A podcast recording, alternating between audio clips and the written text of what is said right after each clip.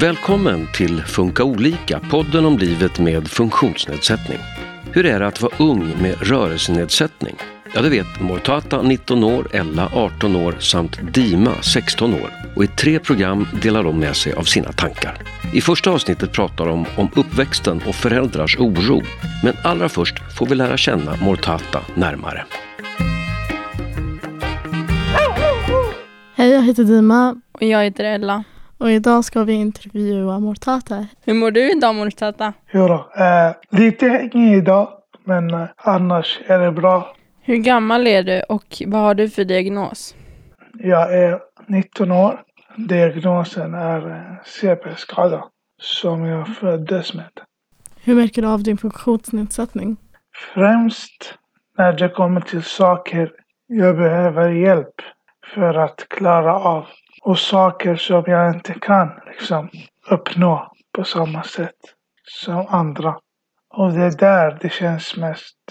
Plus när man kanske blir dåligt bemött av andra. Det brukar inte ske mycket men om det sker så brukar det kännas som mest. Hur ser dina dagar ut? Vad gör du liksom på fritiden? Jag studerar mest på fritiden faktiskt. Det är väl på grund av att jag har ganska hög satta mål eh, i mina studier som jag vill uppnå. Så då gäller det att studera mycket. Annars så gillar jag liksom käka ute eller att simma i vanliga fall. Nu har vi corona så nu har vi lagt ner det. Men eh, det är det som brukar vara i centrum för min fritid.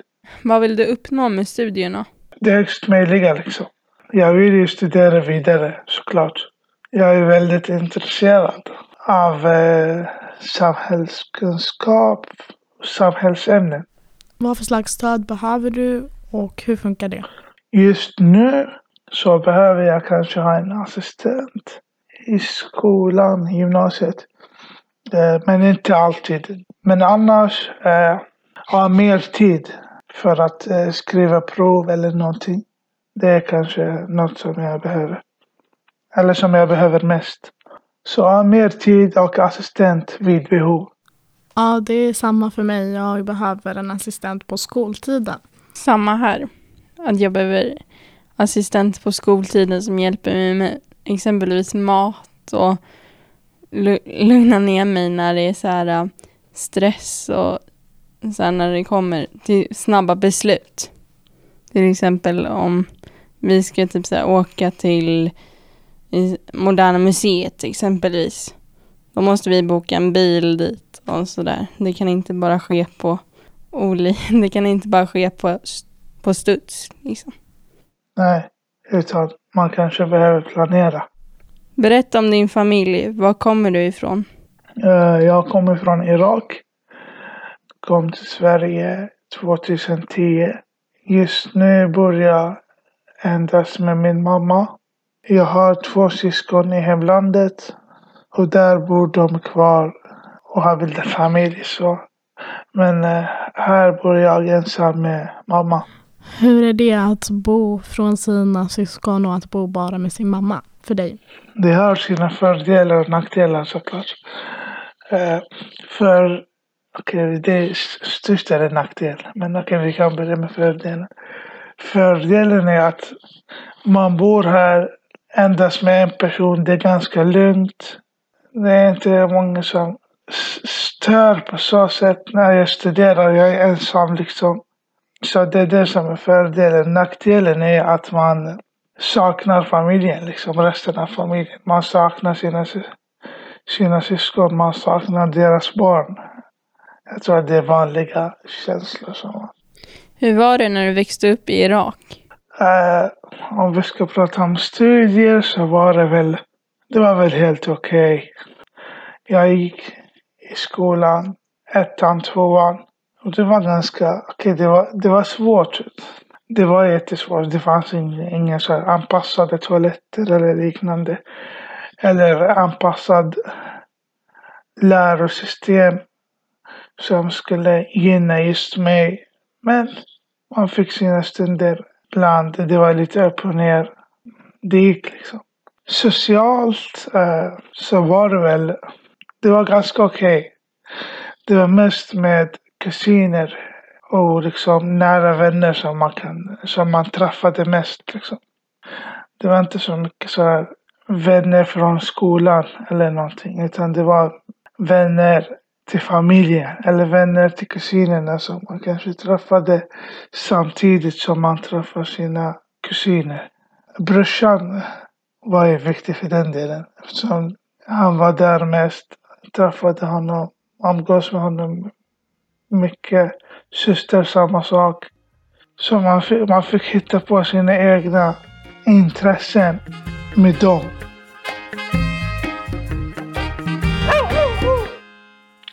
Men eh, hur var det för er när det gällde uppväxtdelen?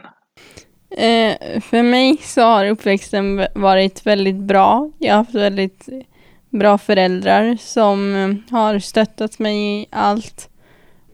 Hur var det för dig Dima?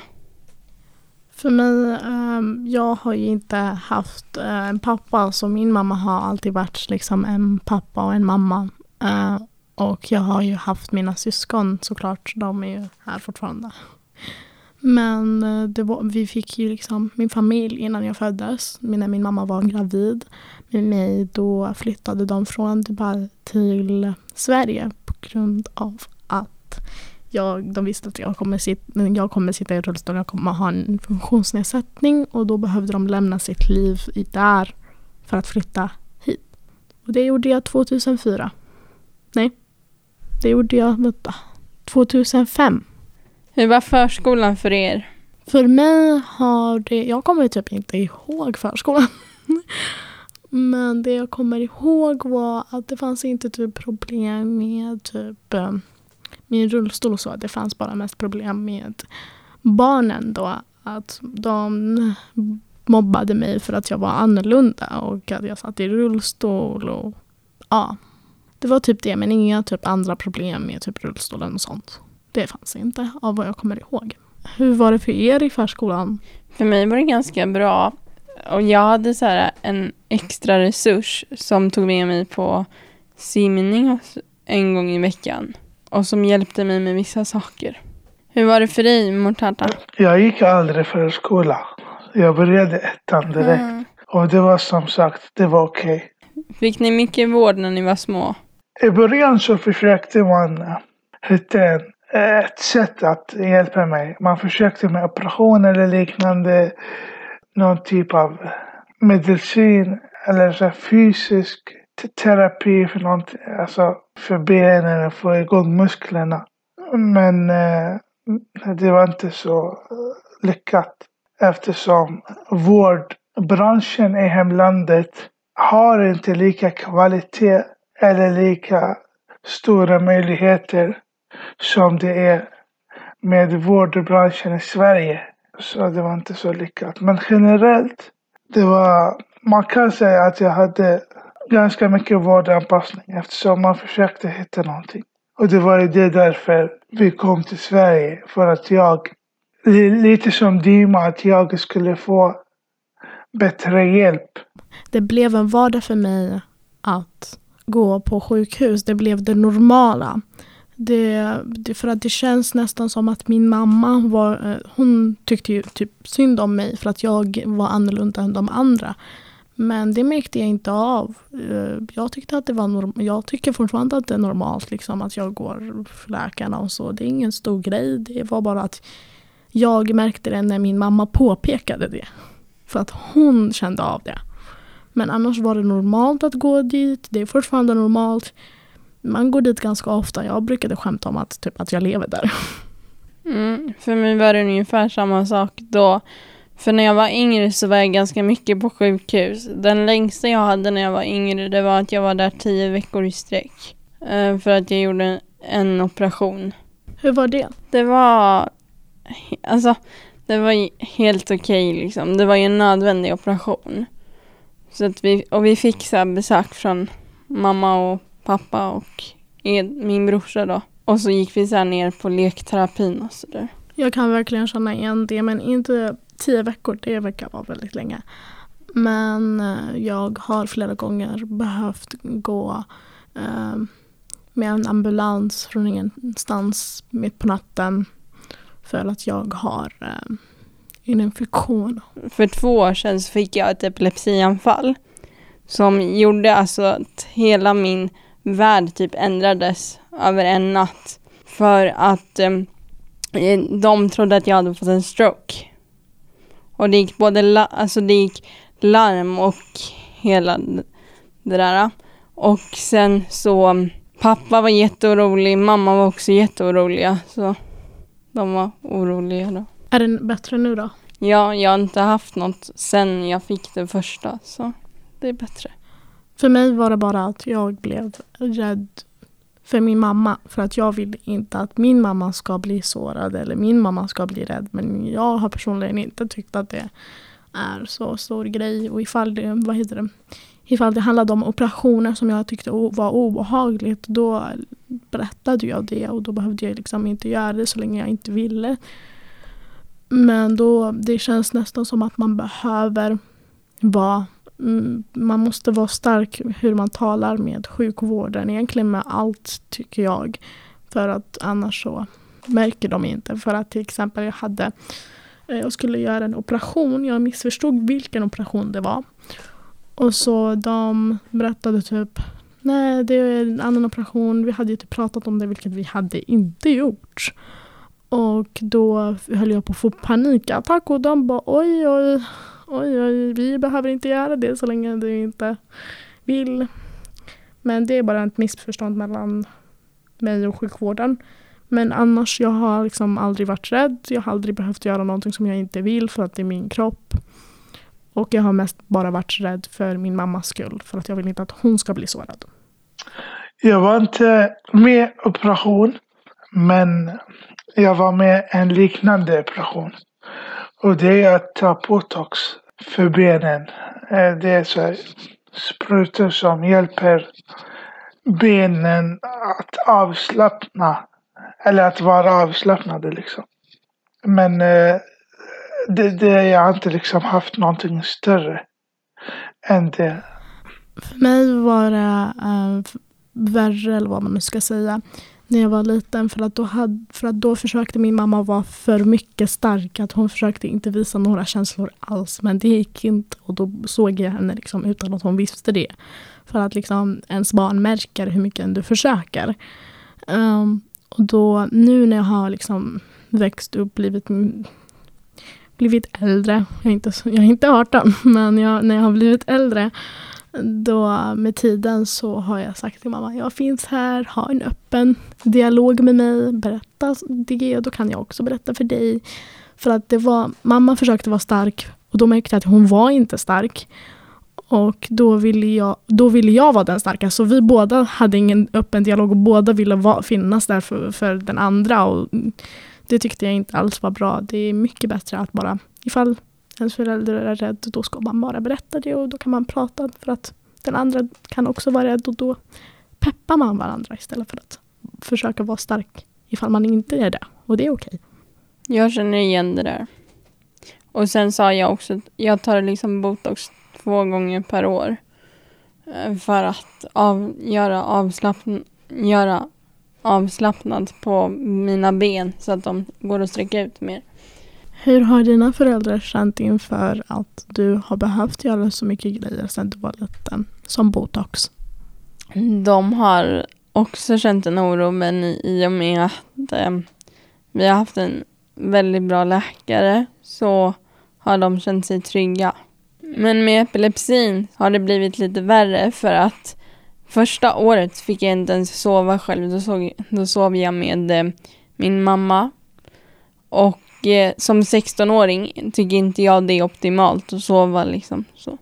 så till och med när jag hade kompisar på besök så fick jag liksom sova med min mamma. Även fast jag ville sova med min kompis. Hur, hur är det med dina föräldrar? Har de varit oroliga?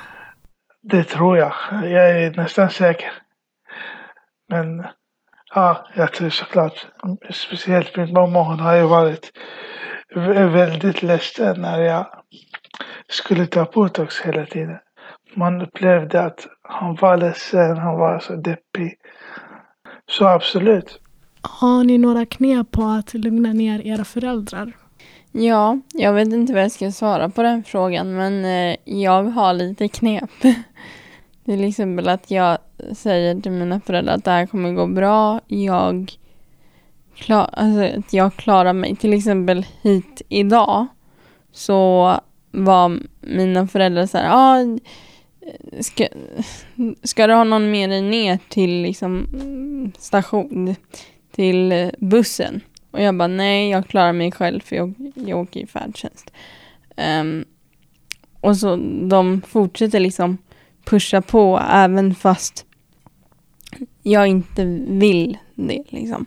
Och då säger jag, ja men jag, jag klarar det liksom själv. Ni behöver inte vara liksom så besky beskyddande liksom. Som. För jag måste ändå också, jag, jag, jag ska inte bo hemma hos mina föräldrar för evigt liksom. Hur är det för dig Mortata? Har du några knep? Nej. Nej, faktiskt inte. Utan min mamma, vi är liksom ärliga med varandra. Ärlighet är en bra egenskap. Ja, det, det tror jag också. Har vi några råd för, för föräldrar som precis har fått ett barn med en nedsättning? Mm, för mig så tycker jag att eh, föräldrarna ska försöka vara nära deras barn liksom. Eh, spendera stor del av tiden med dem eftersom jag tror att de behöver det. De behöver sällskap och socialt stöd eftersom det är inte, för dem är det inte lika lätt att skaffa vänner som för andra. Vilket då bidrar till att föräldrarna blir liksom allt för en. Så var nära era, era barn. Ja, verkligen. Det hjälpte mig med när jag var mobbad. Liksom, min mamma var min bästa vän och det är på grund av henne jag klarade av det verkligen. Samma här. Och eh, jag har, nu har jag några, vän, alltså några vänner i skolan också som anpassar sig efter mina behov. Och sen att de tar sig dit jag är istället för att jag ska ta mig dit om vi bestämmer till exempel om vi ska till eh, Historiska museet och spela in, då tar de sig till mig istället för att jag ska ta mig till dem. Behöver föräldrar oroa sig, tycker ni? Det beror på vad deras barn har för diagnos. Vissa behöver hjälp mer än andra. Men överlag så är de liksom oroliga över oavsett. Eftersom det är, alltså, de flesta föräldrarna är oroliga över deras barn. Man har ju liksom skaffat barnet och man, det är sitt eget barn. Så man är orolig. Om jag får lägga in där så skulle jag säga ta en dag i taget. Det är nog väldigt viktigt. Jag skulle nog säga att man kanske tycker att sitt barn är mer annorlunda än vad, det, än vad barnet faktiskt är. För att allt annorlunda den, det barnet behöver göra, det är det normala för en. Så jag skulle nog säga att ifall ditt barn in, tycker inte att det är några problem eller att ditt barn mår bra, så försök tänka som ditt barn. liksom. Ta en dag i taget, det var bra. Ja, liksom. Ifall barnet tycker inte att det är en big deal, då är det ingen big deal. Nu har vi pratat om uppväxten och hur det var för oss då. Men kan vi inte avsluta med hur det är för oss nu? För mig är det väldigt bra, skulle jag säga. Jag går eh, tredje året på gymnasiet och eh, jag ska ta studenten till våren, hoppas jag, om det inte blir mer med corona. Jo då, jag går sista året. Eh, allt fungerar bra hittills. Och jag har många framtidsplaner. För mig har det alltid varit att jag hänger på de som är normala eller vad man säger. Jag fick aldrig ta reda på mer om mig själv och de frågorna jag har runt omkring min funktionsnedsättning och bara funktionsnedsättning överlag. Jag har aldrig varit med i den gruppen.